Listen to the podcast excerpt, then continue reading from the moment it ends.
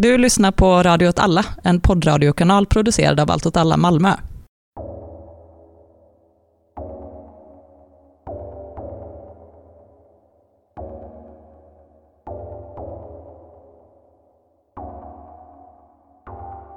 Hej och välkomna till Eld och rörelse med mig, Myran. Hej och välkomna till Eld och rörelse med mig, Martin Hansson och Myran Insektsnamn. Hej, jag är också här. Du är också här. Vi träffas faktiskt i köttvärlden idag. Det gör vi, det är ju trevligt, mycket trevligt. Mm. Och firar lite också. Det gör vi absolut, sitter här och dricker en god Pepsi med isbit. Typ precis, vi har is i Pepsin som ni hör eh, det ljudet där i bakgrunden. Vi har mycket att fira. Ja, Litet och stort. ja, Vi kan börja med det, med det lilla. Du eh, är mästare på myror. jajamän. ja, ja, men det är gött, jag är ändå Det är det lilla. mästare. Ja, Ja. Du har eh, tagit din masters precis. i myrologi. Myrmekologi, ifall Myr- man ska vara fin i kanten på svenska, men jag, alltså det är, officiellt blir det bara ekologi. Men ja. Ekologi. Mm. Inte ens biologi. Nej, men alltså det heter bara olika saker på olika ställen så är det bara samma, samma sak i alla fall. Du är inte biolog alltså? Du är Jo, ekolog? men biol ekolog är en sorts biolog. Det, är- det är bara namn. Mm. It's just names. Det är bara namn. Ja men det är ju verkligen grattis till dig för det. Tack, tack, tack. Det är en eh, stor eh, milstolpe i livet du har passerat. Mm, Som jag inte har lyckats passera. en examen. Mm. Mm, nej. Du, du eh, lever och frodas ändå ju. Det gör jag. Attraktiv på arbetsmarknaden och så vidare. Jag lär ju aldrig vara arbetslös. Du blev headhuntad till ditt senaste jobb. Det är sant. Intressant. Det är sant faktiskt. Mm. Ja, det var det lilla. Vad är det stora då? Jo. vi firar att det är ett år sedan vi sände. Det här avsnittet kommer sändas nästan på dagen ett år efter att vi sände första avsnittet av Eldrörelse. Precis. Så nu har vi fan gjort podd i ett år. Yes. Mer än ett avsnitt varannan vecka dessutom. Ja, för vi har haft något extrainsatt avsnitt någon gång. Precis. Ska vi high-five och se vad det kommer med i radio? Oj jävlar, det... Hörde ni high five? Det tänkte vi fira med att eh, göra ett eh, frågeavsnitt. det blev ju så bejublat förra gången vi gjorde det, avsnitt 15. Just det. Det är inte för att det är de avsnitten som får mest lyssnare. Nej, det har fått minst lyssnare det här fråga, förra frågeavsnittet som hette Trams och lyssnarfrågor. Just det. Det var ju avsnittet efter att vi hade spelat in live på första maj. Just det, sänt live till och med. Ja, vi spelar alltid in live. Då spelar vi upp i efterhand, men det spelades upp medan det spelades in. Ja, det är det som är live. Det är det som är live, ja. Ja. Har vi rätt ut den? Nästa fråga. Ja. Nej men bror, det, är det är väl kul att göra ett lite lyssnarfrågor, då blir det lite mer blandat, inte ett, bara ett ämne och man kan skoja lite mer kanske också. Och det är antagligen sista avsnittet vi spelar in här. Just det. I min nuvarande bostad. Nästa avsnitt har den eh, beryktade flytten skett. Japp. Då kommer vi sitta på varsitt håll antagligen i nästa avsnitt. Precis. Eh, och så. Men, sen kanske vi kommer spela in i din nya källare då. Precis. Är du frisk? Nej, nej jag är inte frisk. Nej, det är jag inte. Men det är ju inte corona. Jag har samma symptom. Jag testat mig två gånger. Ja, jag har också varit lite så förkyld den här veckan och det är att man verkligen känner så, det här kan inte vara corona. Men nu får jag stanna hemma för att nu har jag nyst och snorat lite. Det är verkligen piss, corona alltså. Nu pratar vi inte mer om det i det här avsnittet. Nej, nu släpper vi det. Ska vi bara dra igång eller? Ja, men jag tycker det. Vad har vi, vad har vi att be för? Nej. Ja men det är bra. Ska, ska du eller jag? Vem ska börja? Okej, vem ska läsa första frågan? Jag kan läsa första frågan. Ja. Jonas Hansson skriver Varför hatar du hästkrig? Och då riktar han sig specifikt till dig eftersom det är du som hatar hästkrig. Ja just det, jag brukar referera till att jag inte kan saker eller är intresserad av så kallade hästkrig. Jag vet att jag hatar väl egentligen inte hästkrig. Hat är ett starkt ord. Det hat är ett väldigt starkt ord. Hästkrig är också ett starkt ord. Vad betyder det egentligen? Ja, jag fick ju fundera på det. Jag tänker att ett, för mig ett hästkrig är där kavalleriet står som i centrum i liksom stridskrafterna på något sätt. Det tänker jag är ett hästkrig. Och det gör de ju väldigt långt fram. Man kan väl säga att eh, även om de börjar spela en, liksom en nedtonad roll så är det väl med första världskriget som hästarna verkligen eh, börjar suga. Eller kavalleriet börjar suga. Hästar spelar ju en väldigt central roll även i andra världskriget. Som transportdjur då och sånt. Ja, precis. Det dör helt bisarra mängder hästar under andra världskriget. Eh, sidospår. Men och då tror jag att, jag, jag funderade på det nu när jag fick frågan varför jag är så ointresserad av, ja men, 30-åriga kriget eller stormaktskrig och så generellt. Och jag tror att det är för att det är klart att Napoleonkrigen på något sätt så sätts, börjar människan på något sätt sättas i centrum för konflikten. Alltså politik i den mening vi förstår politik idag. Alltså någonting som har med folk att göra och så vidare. Medans krig innan det finns det ju såklart massor av undantag. Mer kanske handlar om adel och kungars liksom, inflytande positioner. Och det gör liksom bara att jag tycker inte att det är så intressant. Så det, det är nog det som är Att det är adelsmän. Ja, men också liksom, kan, inte, kan inte relatera till konflikterna på samma sätt. Och jag kan inte heller lika lätt sätta in konflikterna i hur de påverkar mitt liv idag. Eller hur den här liksom, konflikten hade känts för mig. Även om man då tittar på dåtida konflikter som eh, Suezkonflikten eller Jom Kippur. Nu är jag ju varken syrier eller Israel. Men, men jag kan liksom ändå på något sätt sätta mig in i dem. För de har ändå skett i en, i en värld, i en samhälle som jag kan relatera till det större. Men är det egentligen då alla historiska krig, eh, även där man inte hade hästar? För det måste ju finnas massa, Ja. Ja. Alltså det är precis. så Eh, sydamerikanska krig mellan olika aztekriken och sådana saker Mm, innan nej. hästarna kom.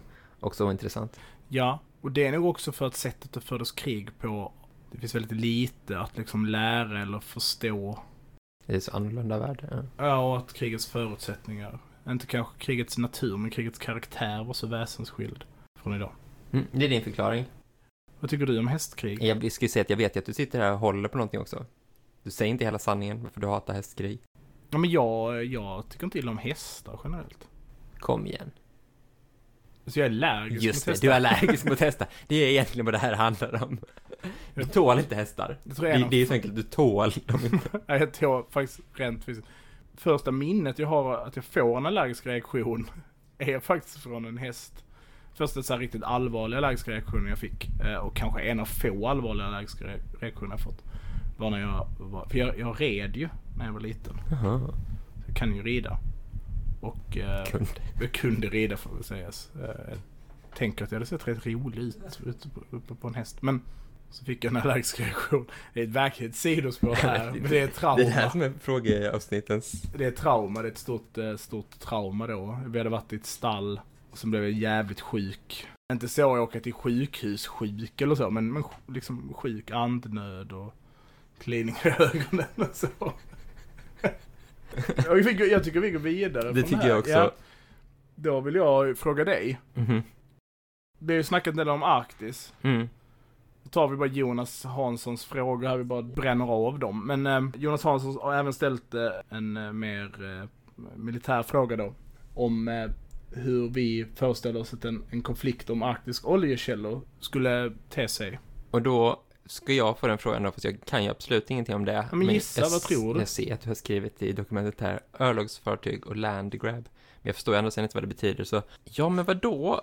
Vem ska kunna ha de oljekällorna liksom? Då får man väl köra ut sina oljeplattformar och borrfartyg och sådana saker, så får man försöka mota bort varandra och åka runt med sina skepp och skjuta framför fören på varandra och kanske knuffa och stångas varandra och sådana saker. Det är väl en sorts liksom aggression som man kan tänka sig som inte blir all out krig liksom, men som man kan ha ganska mycket konflikt med. Sen så kan det såklart bli riktigt krig också, men jag tycker det känns ganska avlägset ändå på något sätt att, att det blir ett sånt rent resurskrig i Arktis liksom. När är det ens det? När det är krig om olja på andra ställen liksom. I Irak då. Ja, men det är ändå inte så här USA och Ryssland som går in och tar oljekällor från varandra, håller dem liksom, utan då är det olika proxykrafter som gör det på något sätt. Nej, jag föreställer mig väl att, att det mest troliga scenariot är väl inte att, att det blir krig liksom, utan att det blir en eventuellt då en, en eh, militär konflikt. Som jag nog föreställer mig då kanske mer handlar om att blockera varandras fartleder och så. Men att i ett väldigt tidigt skede att det blir som ett startskott. Att när någon åker ut och rent fysiskt gör claims på territoriet så tvingar det de andra aktörerna att väldigt snabbt ge sig ut och göra samma sak. Och då kommer successivt ett område avgränsas. Men det kanske du vet, finns det liksom landmassor under Arktis? Nej. Arktis finns det väl inget land, alltså det kanske klart det finns någon liten ö någonstans där. För vår nautiska rätt, den internationella, inte din och min då, utan den liksom internationella nautiska rätten, är ju väldigt starkt kopplad till att hålla landmassa. Och att kan man då hålla landmassa så kommer det ge en rätt till de här då ekonomiska zonerna runt de öarna. Så finns det en sådan så kommer ju det bli en, en kapplöpning. Nej, men jag tar fram kartan här och tjuvkollar och jag kan inte se att det finns någonting utom de områden som redan är tagna Mm. liksom. Alltså att det är Grönland och sen så är det Queen Elizabeths Lands i Kanada och sen så på, är det de här liksom ryska arkipelagen och så. Nej, då är det ju svårt att säga hur exakt en sådan konflikt skulle se ut. För vi har nog inte sett någon, motsvarande. Ska vi också bara säga att det vi pratar om här är alltså om isen När. i Arktis, ja precis, när isen i Arktis är så pass bortsmält då liksom. Det är klart att det kommer frysa till på vintrarna på olika sätt, men att man ändå skulle kunna ha då oljeplattformar eller liknande. Mm. Kombinerat då med fartlederna. Ja. Som man då får tillgång till. Vilket ju då snabbar ner transporter mellan Europa och Asien väldigt mycket. Om man kan ha fri lejd över Arktis. Ja, och även mellan Amerika och Asien Ja. går det väl snabbare. Absolut. Nordväst och nordöstpassagen pratar man om. Mm. Ska vi lämna det där? Vi lämnar det. Inget supersvar riktigt. Ja, nästa fråga är ett skelett på Twitter. Alltså, det är inte ett skelett på Twitter, utan det är någon som har handlat ett skelett. Vilken är bästa CT'n i Counter-Strike? Och CT'n är Counter Terrorist Force. Precis. Jag har inte spelat Counter-Strike sen det var en mod till Half-Life. Så jag hade ganska dålig koll. Så Mm. jag fick googla det här lite. Mm. Du har ändå gjort research. Jag har ändå gjort research på det här. Jag har däremot spelat eh, spelet eh, Rainbow Six Siege ganska mycket och det visade sig att det fanns en ganska stor överlappning. I Counter-Strike så är det ju så att man, när man spelar Counter-Terrorist så får man ju välja vilket skin man ska ha. Och, om jag inte missminner mig. Och då är då skinnet i olika fraktioner. Kan man väl säga. Av det globala imperiet. Precis. Och det bästa då, går på någon känsla, så skulle jag då säga att eh, Spetsnas eller IDF, alltså Israel Defense Force. Och då slog det mig att det är lite konstigt att alla andra är så här GIGN, alltså den franska kontraterroristgruppen. SWAT tror jag är med, SAS, alltså olika elitförband eller polisiära styrkor. Men IDF får bara vara hela Israels försvarsmakt. Så då kom jag på att jag istället då skulle gräva i vilket egentligen borde vara som det Israel skulle ha med. Du har bara gjort en helt annan sak med den här frågan, men det Ja, men är det helt är okej. lite spännande. Ehm, och då kan man väl säga att baserat på de, vad de andra är för typ av enheter. Mhm. I spelet förband, alltså? liksom vilket typ förband som är med i spelet. Så borde det vara Maglan. Som är alltså typ eh, Israels eh, militära specialförband som är så här typ lönnmördare. Eller vars huvuduppdrag är att kunna ta ut liksom svåra mål bakom fiendens linjer. Eller Yaman, vilket är ett, jag vet inte om det uttalas så på hebreiska. Men det är ett roligt namn. Som är deras... Du tycker inte det var roligt? Jo, att det uttalas på jamaicanska tänker jag mig, men det... Som är deras icke-militära counterinsurgency-grupp. Deras polisiär. Eller Sayaret Matkal. Som är alltså deras motsvarighet kanske då till Delta Force eller SAS eller sånt. Mm. Ehm, Men alltså, förlåt, där är det bara skins? Det påverkar inte spelet någonting alls? jag tror bara det är skins. Ja. I, I Siege då, som jag har spelat lite mer. Så är det ju, då får du specialförmågor och så. Beroende på vilka det är. Om du är IDF kanske du kan skjuta barn lättare eller någonting. Men det som är spännande är att i Rainbow Siege så finns ju inte Israel med. Men i boken, som jag inte har läst, för jag läser inte Tom Clancy, men Tom Clancy-boken, det här lärde jag mig när jag kollade upp det här. Då är Israel specialstyrkor med. Rainbow Six Siege, konstigt att vi ska prata om det nu då, men, men Rainbow Siege Ta alla dina chanser. Rainbow Six Siege, som jag inte heller spelat sådär jättemycket, är baserat då på en bok med samma namn som jag förstått det. Och då är det liksom någon typ av om alla världens länders bästa elitsoldater sätts ihop. Och då är bland annat Israel med och de spelar en ganska central roll. Och det verkar vara rent politiska skäl som Ubisoft inte har med Israel. De har med så här spanska och koreanska elitförband eller specialförband. Men inte då eh, Israel. Vilket i sammanhanget är lite udda. Alltså det är om rent militärt, man räknar upp liksom kanske mest skickligaste militärkrafterna i världen så brukar Israel vara med på den topp 3-listan eller åtminstone den topp 5-listan. Men de är inte med i det spelet. Däremot så är bakgrundshistorien hela amerikanerna är att hon är gammal IDF-soldat. Den, den, eh, vår, den givmilda bankiren. Mm. Vår första och största sponsor. Ja. Får man väl ändå säga. Man har köpt den här podden. Ja, han har den här podden i sin lilla ficka. Har ställt frågan.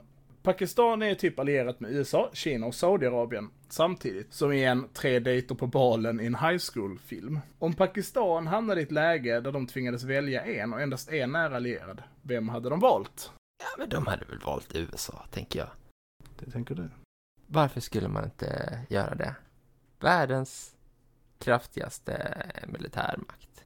Den väljer vi. Ifall man är liksom också en korrumperad politisk elit i ett land som är influerad av liksom amerikansk eh, politik. Jag tänker att de har massa band till USA så sagt att deras barn åker och får sina collegeutbildningar i USA och sådana saker. Så tror jag att det spelar roll. I ett liksom längre strategiskt perspektiv så kanske det är smartare att välja typ Kina. Alltså Saudiarabien har vi väl etablerat är någon sorts sopor helt enkelt på krig. Så det, det vore ju dumt.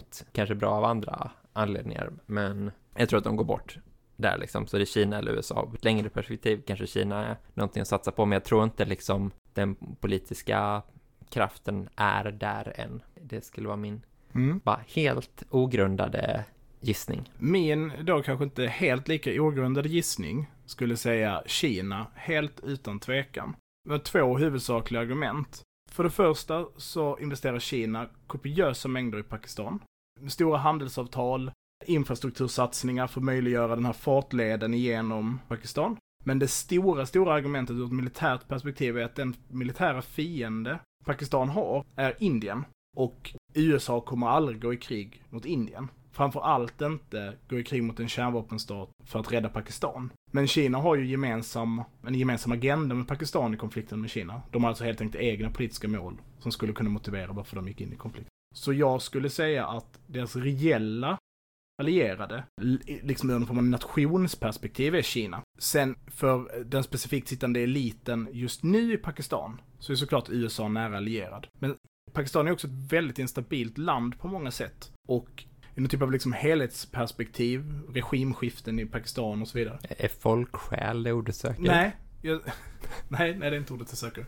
Kanske mer liksom ur någon flerdimensionellt perspektiv på det. Och då skulle man också, alltså att Pakistan och Israel är inte särskilt nära vänner, vilket är en annan allierad, där USA kan hamna i en intressekonflikt mellan Pakistan och Israel, där USA inte skulle välja Pakistans sida. Medan Kina är en betydligt pålitligare partner på det sättet. Jag skulle säga att Saudiarabien inte ens är med på topp 5-listan av allierade som är relevanta för Pakistan, utan till exempel att Iran är ett betydligt närmare stående allierad eller samarbetspartner på det sättet att Iran och Pakistan trots många olikheter har militära samarbeten och gemensamma ekonomiska intressen.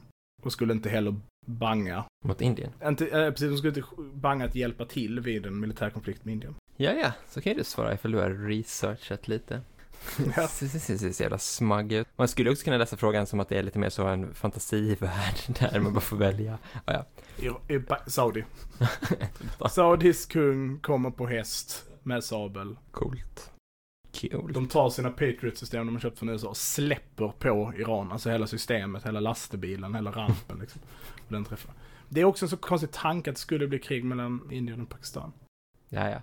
För att Indien skulle bara vinna det kriget. Om det blev ett storskaligt krig. Och därför tror jag kanske att Pakistan, det låter som att säga emot mig själva, Iran skulle banga på ett krig mot Indien. Alla grannländer skulle banga på ett fullt krig mot Indien eftersom att Indien har kärnvapen och Indien och Kina kanske delar den grejen att kärnvapen räcker inte riktigt för att fullständigt eh, eh, slå ut de nationerna. Vilken missuppfattning om krig retar du dig mest på, eller är den vanligaste mi- missuppfattningen man stöter på? Och det är samma, det, det är bankiren som har frågat det här också. Ja, nu har jag ju ingen erfarenhet av krig. Men Vad fan gör du den här podden då? Men, alltså det som kanske blir, om man läser skildringar av det eller liksom tittar på det för, och du tänker att det finns på flera nivåer det här, men liksom för individen, så skulle väl den vanligaste missuppfattningen, som ju är rätt farsartad, det är ju att krig på något sätt skulle vara något actionfyllt. Mm. När krig är något väldigt långtråkigt, väntande och sen väldigt, väldigt kort, intensivt och sen, Det tar det slut ofta. och sen så tar det slut eller så är det över och du ser kanske aldrig din fiende till exempel. Jag har läst ganska mycket självbiografisk litteratur om Vietnam till exempel. Och det finns ju flera av de böckerna som berör strid ganska lite. Fast de är liksom en hel bok på 400 sidor om att mitt liv som soldat i Vietnam. Och mest handlar om hur jävla fruktansvärt det var att- sitta i en bas och vänta. Och jag menar också att logistiken i en armé, det är väldigt få sett till hur många människor som är inblandade i en krigsmaskin. Som faktiskt står med gevär i hand Ja. och skjuter på någon annan liksom. Mm. Precis, utan det är väldigt med köra lastbil. Det finns någon, någon The Onion Ja, jag tänkte just på det, som, som är så Irakkrigets simulator och så, så bara, Fast för tyskarna tror jag, typ Ja. eh, The German DLC. De skötte ju logistik till stor del. jag stod, spelade det här spelet i 200 timmar, eh, 190 av dem så stod jag i öknen utanför en bas och väntade, ingenting hände. Och sen slutade med att han blev skjuten. tror jag. Liksom, man typ, ser. han, han, han aldrig ser var skottet kom ifrån, bara dog. Det är väl en, en missuppfattning. Och sen en annan är väl liksom det här med att det finns en vinnare, att det finns liksom en solklar vinnare på något sätt.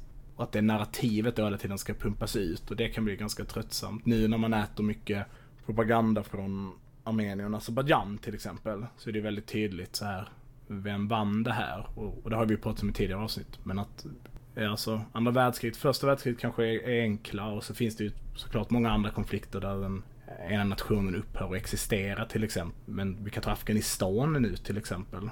Vem har vunnit det? Även om talibanerna skulle komma till makten. Vann de kriget Nej. i Afghanistan då? Eller liksom, kan man en- ens prata om det på det sättet? Förlorade USA Vietnamkriget? Kunde de ha, om, ja, och så vidare. Och sist, men inte minst, är väl teknikfokuset, alltså utrustningsfokuset. Fokuset på bäst handeldvapen, bäst stridsvagn, bäst flygplan och att de sakerna ska vara väldigt avgörande i, i krig. Framförallt om man har varit intresserad av andra världskriget kanske man är van vid den typen av diskussioner. Att eh, olika män som är intresserade av tyskt krigsmateriel i princip får det framstå som att tyskarna vann kriget. På grund av hur fantastiska stridsvagnar eller kulsprutor eller vad det kan vara. Mm. Mm. Jag har inte så mycket input på den frågan, helt enkelt.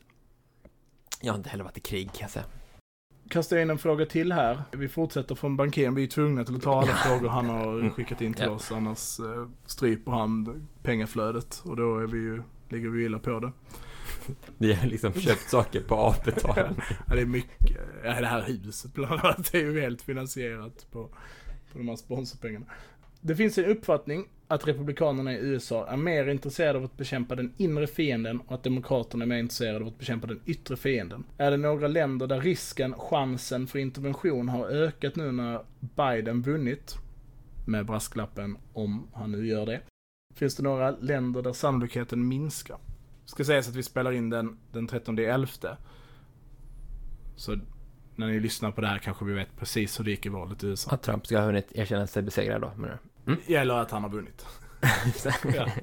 Eller att det är statskupp i USA. Ja, jag vet ja. inte, vi kommer ju till det. Ja, men jag tror att man får ju ändå säga att det verkar som att Trump lite har haft en mer anti-interventionistisk linje än vad Biden-lägret verkar vara inne på. Så det kanske man kan ju säga. Jag kan inte säga några specifika konflikter där jag vet. Som de har uttalat sig så, så verkar de ju inte ha velat göra som Trump gjorde i Syrien, att bestämma att man ska dra sig ur, fast ändå så inte dra sig ur, och sen så komma tillbaka lite och så dra sig ur igen, och så säga att man helt dragit sig ur, och redan med det tredje, och det är väl lite samma sak med Irak och Afghanistan kanske där, alla där liksom, att det, det hade nog sett annorlunda ut, ifall jag får gissa själv. Sen så tänker jag kanske att det kanske finns någon fara i också att tänka på bara Republikanerna och Trump och det som liksom anti-interventionistiska generellt för att liksom ifall en sån rörelse då som ändå kanske mer rör sig åt ett fascistiskt håll på något sätt. Där finns ju liksom den militarismen och kriget liksom på något sätt inneboende ändå. Och det kanske skulle smälla mycket mer i någon, i någon liksom sorts framtida konflikt. Det kanske inte är republikanskt, men, men ifall man tänker sig mer då som den här att Trumps bärs av någon liksom alt-right-våg och sådana saker. Liksom att det, mindre intervention, men en liksom farligare endgame, större risk för världskrig Mm. på något sätt liksom. Just det, att, att det här liksom forever war som ju då Trump har pratat om och som alla har pratat om som USA befinner sig i har ju trots allt pågått under Trump likväl. Alltså han vinner väl över Obama i Jemen-drönarattacker till exempel. Som ju länge var en snackis om att han Mm. inte hade gjort liksom. Nej, jag tycker det är svårt. Alltså om man ska göra det väldigt enkelt för sig så var det ju lite som att Obama var mjuk mot Iran och hård mot Nordkorea. Trump var mjuk mot Nordkorea och hård mot Iran. Så inte för att jag tror på en, ett öppet krig mot någon av de länderna egentligen. Så kommer det väl bara ner till att det kommer bli något land i Latinamerika som kommer få den här kängan. Venezuela då. Och Venezuela ligger ju illa på det. Och jag kan inte se att Biden... Jag tror inte bara, jag tror bara inte det spelar någon roll. Inte för att vara så här edgy vänsterist liksom. Men, nej, jag, jag kan inte peka ut ett enskilt land där jag tror att liksom risken ökar. Jag skulle bara säga att risken är konstant i USA. Och jag tror inte det är skillnad. Jag tror inte att jag tror förvisso inte att eh, Biden hade bordat mordet på Quad Forces befälhavare som Trump gjorde då i Irak, alltså den iranska militära underrättelsetjänstbefälhavaren som Trump eh, fick mördad. Det tror jag inte Biden hade gjort. Men jag hade kunnat tänka mig att Biden skulle kunnat eh, gjort en ny surge, alltså en ny liksom upptrappning av truppförflyttelser till Irak, vilket mycket väl hade kunnat leda till samma liknande situation. Liksom. Trump har ju faktiskt, han valde ju aktivt att inte steppa upp efter Iran sköt eh, robotar till exempel. Så att, Ja, nej, vi vet inte riktigt. Vi, läm- vi lämnar det där. Var det du som frågade mig nu? Det är jag som ska fråga dig. För då har vi kommit till den eh, citydrängen kan vi kalla honom. vi ska inte svara på de här frågorna. Det är helt, han ju ställt helt sjuka så Nej, här, vi kan liksom inte svara på någon av dem. intima frågor om stjärtar och Och grejer. ljumskar. Ja, Mm. eh, du tycker inte jag ska svara ens på den här. Kan ni berätta om den mest genanta upplevelsen i era liv? Jo, det kan, ja, det kan vi prata om. Men det var min, ja, du får börja ja, just Ska det. jag börja? Ja. jag ställer frågor. Ja, just det. Mest genant? Nej, men jag har varit med om mycket genanta saker i mitt liv. Um, nej, alltså det är jättesvårt. Ja, men ta en som är riktigt bra historia. Jag kanske hade behövt tänka ut det här i Om, förväg. ska, ska jag, du kan tänka, ska jag dra min så länge? Ja. Ja, ja men...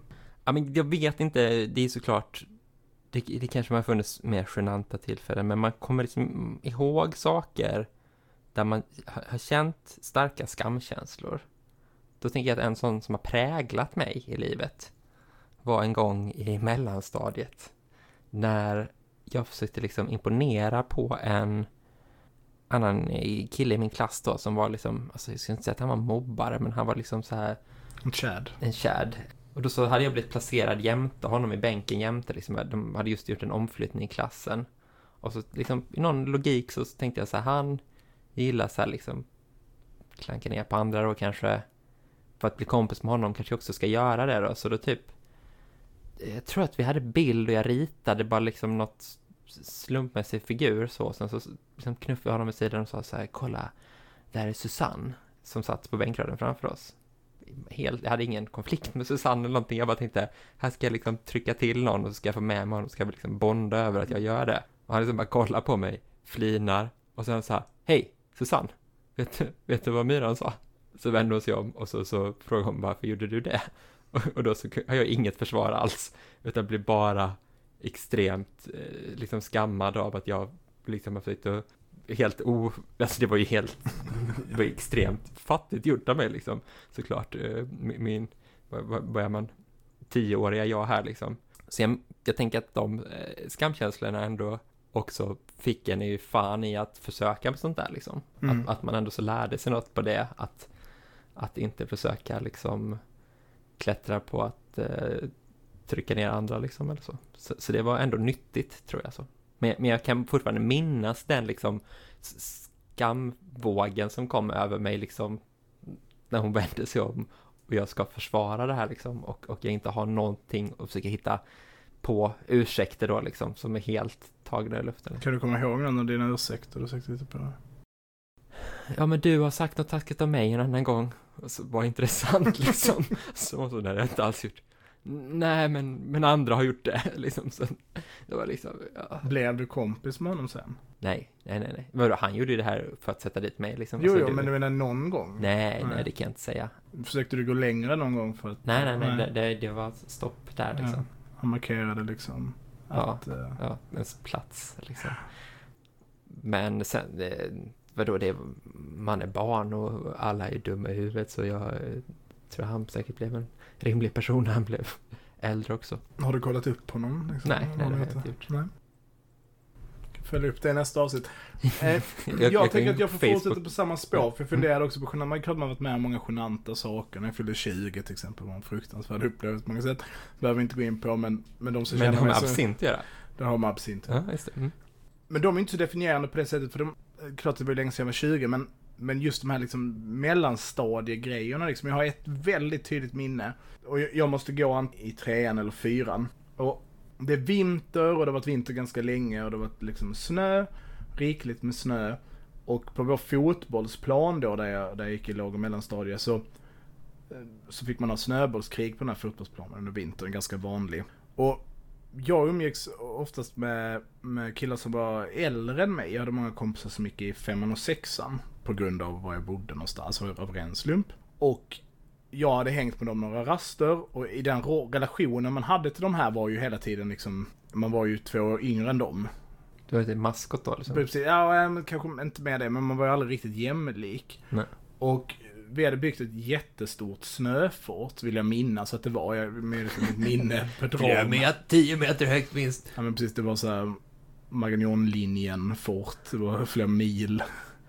Skar av stora delar av eh, Skåne från andra. Ja, nej men och vi hade byggt det här liksom. Och eh, på grund av att de gick i flera årskurser så hade vi liksom inte alla raster ihop. Och vi- minns att vi hade byggt under flera dagar. Och sen en gång är jag då ute på rast och jag ser hur någon har sönder vårt snöfort vi har byggt liksom. Och blir ju djupt skärrad av det här. Det har jag ju skapat.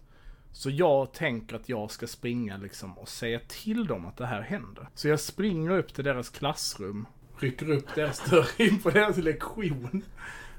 Och är så här. De har sönder vårt snöfort! Jag, jag tänker att jag pratar så. Och mina äldre kompisar tittar ju på mig som att jag är helt jävla dum i huvudet. Liksom. Eh, och läraren där inne, lärarinnan då där inne som tittar och så, här, nu får du gå ut härifrån. Vad gör du här? Och det var ju otroligt pinsamt. När du liksom står med uppslagen där och Jag inser var då. helt rödmos i ansiktet, det var många trappor, det var en gammal skola med flera, flera våningar liksom. Och jag hade väl en, kanske, om jag inte hade overall så hade jag väl liksom någon vinterjacka och handskar, du vet så här stora jobbiga, du har fortfarande sådana handskar ibland. Sådana riktiga liksom vinterhandskar liksom. Ja men då när de kollar på det liksom och, Ja, och det liksom- klickar liksom att så här, det var fel mm, där. mm, Ja. Ja, det var ja, ja, det är det är jobbigt. Det som har gjort oss till de vi är Ja, idag. ja, visst. Ja, det är ett djupt sår. Fantastiskt. Då ska jag fråga dig. Ja. Ehm, Knivhandske på Twitter då har, Mhm. har frågat, eh, eftersom podden består av en biolog och en renodlad möp, trevligt att jag inte har några andra dimensioner, hade det varit intressant att höra någonting om människans släktskap med schimpanser, bonobos, Mhm. Och om vi människor utifrån detta kan betraktas som naturligt våldsamma eller något i den stilen. Otydlig fråga. Men ah, Ja, vi snackade lite om det här. Vi kanske ska göra ett eget avsnitt om schimpanskrig någon gång. Men man kan ju bara spontant, alltså det här är ju en fråga om människans natur. Detta oerhört smala och lätt ja, men det besvarade drar vi av nu. ämne. Då skulle jag vilja citera en utav mina favoritbiologer som jag inte kommer på namnet på, därför pratar jag väldigt långsamt. fan heter han nu? Så mycket favorit liksom. Han med det stora skägget. Ja, eh, det är inte Darwin. Googlade fram att han heter Robert Sapolsky. Finns jättebra YouTube-serie som heter Human Behavior Biology som man kan kolla på för man vill. Det är typ så här 16 timmar video. Han i alla fall pratar om det här med att arv och miljö är en så dum dikotomi. För att det är liksom som ifall du frågar så här, arean av en rektangel, bestäms den av höjden eller längden? Så. Det blir liksom ingen area ifall det bara finns ett av de två måtten. Det, det är samverkan och du kan inte säga att det som är individen, det som är utslaget, är liksom samverkan. Och därför kan man inte säga att det är det ena eller det andra. Så jag, jag, tycker inte man kan säga att det finns liksom en, att människan är predestinerad till att liksom bete sig våldsamt på det sättet. Det är helt beroende av samhälleliga förutsättningar ska jag säga. Men samtidigt, alltså förmågan till våld är såklart hos oss liksom i, i bara vår liksom arv och genetik och så. Och då så är det så här eh, bonobos och schimpanser, alltså bonobos som man också kallar dvärgschimpanser, de är då mer fredliga än schimpanser. Schimpanser är mer våldsamma och så, så finns det liksom spekulationer ifall människan är mer närstående schimpansgrenen eller bonobogrenen och så då. Men jag vet inte, jag tror, jag tror inte jag tycker det är jätteproduktivt egentligen att eh, tänka i de eh, banorna för att liksom förklara mänskliga krig och konflikter i sig så liksom. Om jag då som är en renodlad MÖP får, får eh, diskutera det här. Du har ändå läst lite kriminologi. Ja, precis. Och jag skulle väl också hävda att i liksom militärteori när man förklarar så här, där diskuteras det ju varför krig uppstår på något sätt. Och där är ju den mänskliga naturen då, fast i termer av våra känslor, är ju såklart en avgörande faktor för krig. Alltså för att till syvende och sist så handlar det ju om att kunna få människor att göra saker som kräver till exempel aggressivitet. Om vi då hade saknat våra rent biologiska signalsystem för aggressivitet så hade det ju inte varit möjligt för oss att föra krig. Ja, just. Det är det. Ja. Alltså så på så sätt är det ju såklart, alltså aggressivitet, det är klart att det kan vara viktigt när du ska skydda din eh, flock från eh, predator. Men den typen av aggressivitet eller liksom förmåga till våld mellan människor där tänker jag att man måste ta hänsyn till våra känslor. Förstår du hur jag menar? Vår aggressivitet är ju att betrakta som en del av vår natur. På det sättet att det är eh, biologiskt i oss.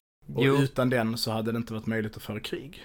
Men det är ju lite som att säga vår förmåga till att hoppa höjdhopp är någonting som är betingat av att vi har liksom ben och så Mm. vidare och det är en del av vår natur och så. Men jag tycker det är ganska konstig förklaringsmodell ifall man ska säga så. Det här samhället har mycket höjdhoppare och det här har inte det. Ja, men det är den mänskliga naturen som liksom som gör folk till höjdhoppare och så. Det, förutsättningarna såklart finns ju där, men det måste ju till någonting Absolut. annat. Att, nej, det är klart att om man skulle säga så, kriget kan endast förklaras av biologiska signalsystem i kroppen, eller vad det nu skulle kunna vara, så låter ju det dumt. Men det är ju självklart att våra känslor är en viktig del av krig. Absolut, och såklart. Och när man liksom analyserar hur någonting funkar i en konflikt eller ja, varför soldater beter sig på ett visst sätt och så, då är det såklart att man måste ta hänsyn till liksom instinkter och ja, aggression eller vad som helst som, och liksom, Ja, framförallt i de krig som kräver folkmajoritet. Så måste du också kunna piska upp de här känslorna på ganska stor, stor skala i termer av rädsla eller aggressivitet. Jag, jag tänker nog bara att det, det liksom, kan inte spela jättestor roll ifall vi är närmast släkt med schimpanser eller bonobos när man ska Det är det frågan är. Det är jag som är dum i Eller nej, huvudet kanske inte, det kanske inte är det, men det, den tar ju i det liksom på något sätt.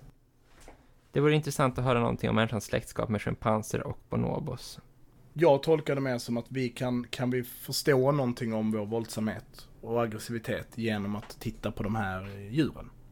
Okej, visst, och det kan vi absolut göra. Det kan jag väl köpa. Vi gör ett eget eh, eh, Killer Monkey-avsnitt. Absolut. Jag ska öppna det här doxet och skriva in. Jag ägde det lite med det här. Du kände inte till The Great Chimpanzee War. Nej. Det gjorde jag. Ja. Renodlad möp. Äh, fan, Ja. det faller ju ändå under Ja, möpkategorin. Ja. Ja, men då ska jag fråga dig. Ja, knivhandske igen. Okej, Knivhandske vill också ha en genomgång av Trumps möjligheter eller hinder att genomföra en statskupp i USA. Och det tycker jag ju är extra intressant eftersom jag vet att du brukar prata om att USA är en stat som är väldigt tydligt byggd, liksom konstitutionen och så, för att förhindra just statskupper. Så det kanske du har lite tankar om. Ja, och, och där kanske, om man ska liksom fundera på om man gör en statskupp eller inte. Jag tycker det blir lite konstigt att prata om att Trump håller på att göra en statskupp. Inte för att jag säger att Knivan ska säga det. För att jag tycker inte att byråkrati tjabba om rösträkning är att försöka göra en statskupp liksom. Jag tänker att en statskupp är när man med makt i någon form tvingar orättfärdigt till sig makten. Så du är på den här linjen.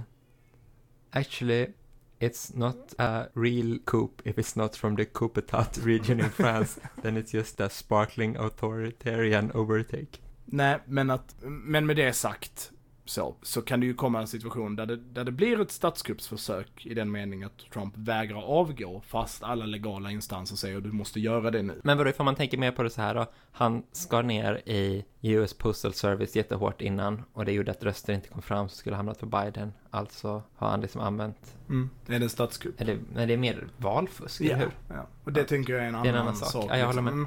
Men, men om, vi, om vi tittar på en statskupp så är den första frågan jag skulle, för att parafrasera Stalin då, när påven kritiserar honom. Hur många divisioner har påven? Någon annan säger, vad tycker påven i den här frågan? Och då säger Stalin, vadå, vem är påven? Hur många divisioner har han? Precis. Säger ryktet, det är en vandrings... Jag har ingen aning om Det här har sagts. Sido- Sidospår. Men en Trump som utan rättsligt stöd bara vägrar lämna Vita huset kommer ju troligtvis resultera i att polisen kommer dit och bär ut honom ur Vita huset. Men med det sagt, så varför USA är ganska robust. Då ska jag säga att det första svaret på det inte kanske är vad som står i konstitutionen, utan landets relation till sin konstitution. På grund av liksom den nästan religiösa upphängningen runt konstitutionen, så är det liksom konstitutionen på något sätt som är USA. Och en tyrann och liksom idén om någon som inte skulle följa konstitutionen gör den personen orättfärdig. Alltså att som soldat, även i Sverige, så, så svär du att liksom på något sätt eh, beskydda liksom Sverige och Sveriges grundlag och så vidare och vårt statsskick. Men i USA är det mycket, mycket mer centralt än så. Att poliser och militärer i USA, liksom idé om sig själva är deras relation till konstitutionen. Den kanske viktigaste biten för en riktig statskupp, alltså då man helt enkelt militärt säger, ja men vi, vi bryr oss inte om vad senaten eller representanthuset säger, jag kommer sitta kvar vid makten nu. Är så att de militära styrkor som finns i USA, om vi då ska prata om en riktig statskupp, de är liksom decentraliserade. Det finns ett nationalgarde, det har vi pratat om tidigare när vi intervjuade Andres Brink, Pinto, om upplopp och då pratar vi ganska mycket om nationalgardet. Men nationalgarden är ju uppdelade i delstaterna och lyder ju i första hand under guvernörerna i respektive delstat. Och det är klart att Trump har ju eh, tillgång genom att vara överbefälhavare för amerikanska armén och kontroll över många arméförband. Men inte i direkt relation, utan det är liksom flera steg ner till en order ges. Och det andra är att vi liksom statskupper, och det pratar vi om i vårt avsnitt om kuppförsöket i Turkiet. Då, för att en statskupp ska vara möjlig att genomföra, så kräver ju det att du har kontroll över infrastrukturen i ett land. Både den rent fysiska infrastrukturen, men framförallt den kommunikationsmässiga infrastrukturen. Och det skulle inte jag säga riktigt finns möjlighet till i USA. Att, att hamna i den maktpositionen där du helt kan kontrollera allt informationsflöde. Vilket jag ändå tänker är en central faktor för att Trump skulle kunna sälja in sin historia både om vad han är utsatt för men också resten av världens reaktion på det. Och sen har vi ju då att, att USA, och det här är väl det jag menar med att det är inbyggt, är ju också att de har en delad makt. Alltså genom de två kammarna i kongressen, representanthuset och senaten, presidenten och högsta domstolens relation till alla juridiska förändringar. Det är ganska många människor som måste vara med på den här kuppen. För USA är ju inte en junta på det sättet att om Trump ryker så är då rensas hela högsta domstol ut. Då ryker alla representanter i eh, senaten. Utan de här människorna, det är klart att det är bättre för dem om en republikan sitter vid makten. Men life goes on, deras pengar kommer in liksom. Mm. Och sen har vi då fortsättningsfrågan på det. Av eh, Melvin Junko. Som hänger på den här frågan. Och undrar om den här pågående mm, utrensningen av Pentagon på något sätt hänger ihop med det. här. Och jag skulle säga att det är lite starkt att säga att det pågår en utrensning av Pentagon. Men Trump håller ju på att plocka bort olika personer och tillsätta nya. Bland annat i Pentagon. Hans försvarsminister byttes ju ut nu. Nyligen. Och jag, jag skulle säga att jag, jag kan inte döma, alltså även om det passar väldigt bra att han som sattes in istället för Espen, tror jag han heter, han som rök. Har jobbat mycket med counterinsurgency och så. Och därför klingar det ju väl vid There is still a path to civil war liksom. Men, att, men jag tror mer det handlar om att under valkampanjen och framförallt nu kanske veckorna efter valet så har nog många visat hur lojala de är till Trump. Och att han nu passar på att helt enkelt bestraffa och plocka bort. Men också för att jävlas. Också för att jävlas mot, mot Biden. Vid en situation där det blir överlämning av presidentskapet där eh, Trump sätter in folk som är hans istället. Eller stödjer hans till exempel är beredda på att dra, dra tillbaka trupp från Europa till exempel, vilket är en stor snackis. Att det är det Trump vill göra. Han är inte så glad i Tyskland och vill eh, därför helt enkelt ta bort de brigader som finns i, i, i Centraleuropa för att eh, jag vet inte varför, varför Tyskland bryr sig om det. De, men, men, eller det handlar väl om en invasion från Ryssland. Men helt enkelt är beredd på att ta politiska beslut som är kontroversiella i amerikansk försvarspolitik. Då har vi fått av Martin Katten, Twitterhandlet. Vilket har varit ert favoritavsnitt att göra och varför? Kan vi börja med den kanske? Ja du. Eh, det är svårt att svara rakt upp och ner på, men jag har väl ett gäng favoriter. Till exempel det första avsnittet, bara det, tyckte jag var roligt för att det var så grävigt. Vi borde göra det igen, tycker jag på något mm. sätt. Något där vi faktiskt får försöka liksom dra lite slutsatser själva genom att läsa så här eh, tidningsartiklar som man får Google Translate först och sådana saker från ryska och franska och sånt. Det är ändå nice. Eh, och det var också det första avsnittet, det var ju extra spännande att det var liksom så här, hur, hur gör man podd och så. Det tyckte jag var kul. Sen så tyckte jag även det här om just eh, statskupper i Turkiet, som vi pratade om förut där, nummer 13, fyra kupper och en oljekartell. Det var roligt. Eh, sen lite mer de här som är lite mer krigs teoretiska och så. Avsnitt 11 som heter Är det verkligen fred? Som egentligen handlar om vad krig är och inte fred. Eller det har ju med varandra att göra. Eh, och eh, även det här avsnittet 24, eh, Lära av svärmen. Där vi pratar om olika teorier kring olika krigsdoktriner och så. Att de tycker jag har gett mig liksom en större förståelse på något sätt för ämnet i stort liksom och det är ändå grunden för mycket av det andra vi snackar på om och jag tänker att vi ofta i våra diskussioner refererar tillbaka till liksom de diskussionerna i dem. Mm. Så. Eh, tycker de är lite undercredded också av våra lyssnare att, att de men ni måste gå till basen för att verkligen förstå liksom att det är som är känslan. Sen tyckte jag också att det såklart var väldigt roligt att göra biovapenavsnittet för det är alltså har ju med lite saker jag har koll på att göra. Ja, och sen ska jag också säga att de här avsnitt 17 och 24, eller 17 och 21 om olika upplopp i USA och så, eh, var kul för de kändes aktuella och de fick ju bra respons och så. Och då har jag sagt ungefär en tredjedel av alla avsnitt vi har spelat in hittills som mina favoritavsnitt, så det var ju ett väldigt otydligt svar på den här frågan, men eh, det är väldigt svårt att välja något. Ja, jag ska nog vara lite mer sparsam än det då. Um, även om nu när jag hör att du säger det så, så håller jag med dig. Just eh, framförallt då eh, vara i fred och, och lära dig av svärmen. Och det vet jag också att det är flera som har efterfrågat den typen av avsnitt. Någon typ av så här grundläggande tankar eller liksom grundläggande teorier runt, runt krig. Um, och, och ett av dem skulle jag då säga att det är gevär som flygblad. Men, men där vi också pratar om, om eh, vänsterns eh, historiska förståelse av krig och så. Vilket ju verkligen knyter an. Men jag skulle ju säga avsnitt fyra då. När den första intervjudelen med den Syrienfrivilliga. Och då även avsnitt 10, Kvinna i gerillan.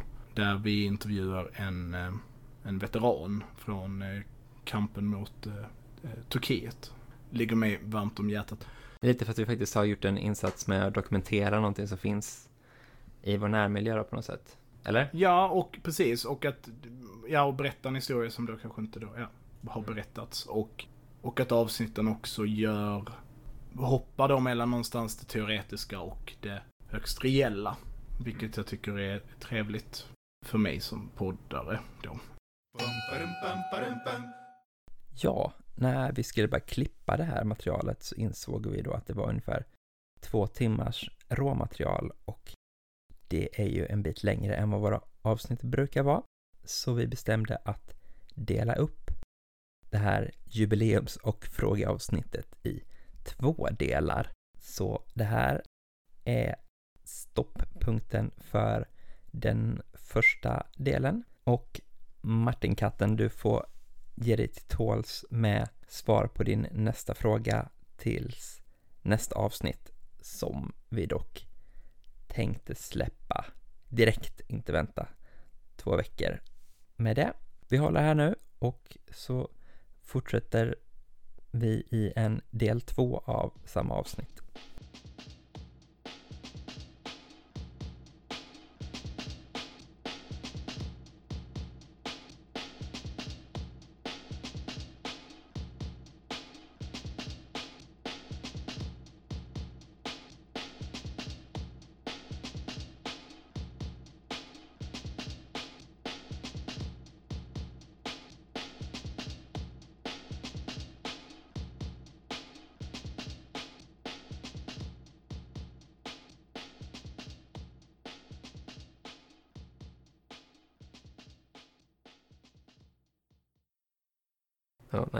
Det låter trist. Ja, det var trist.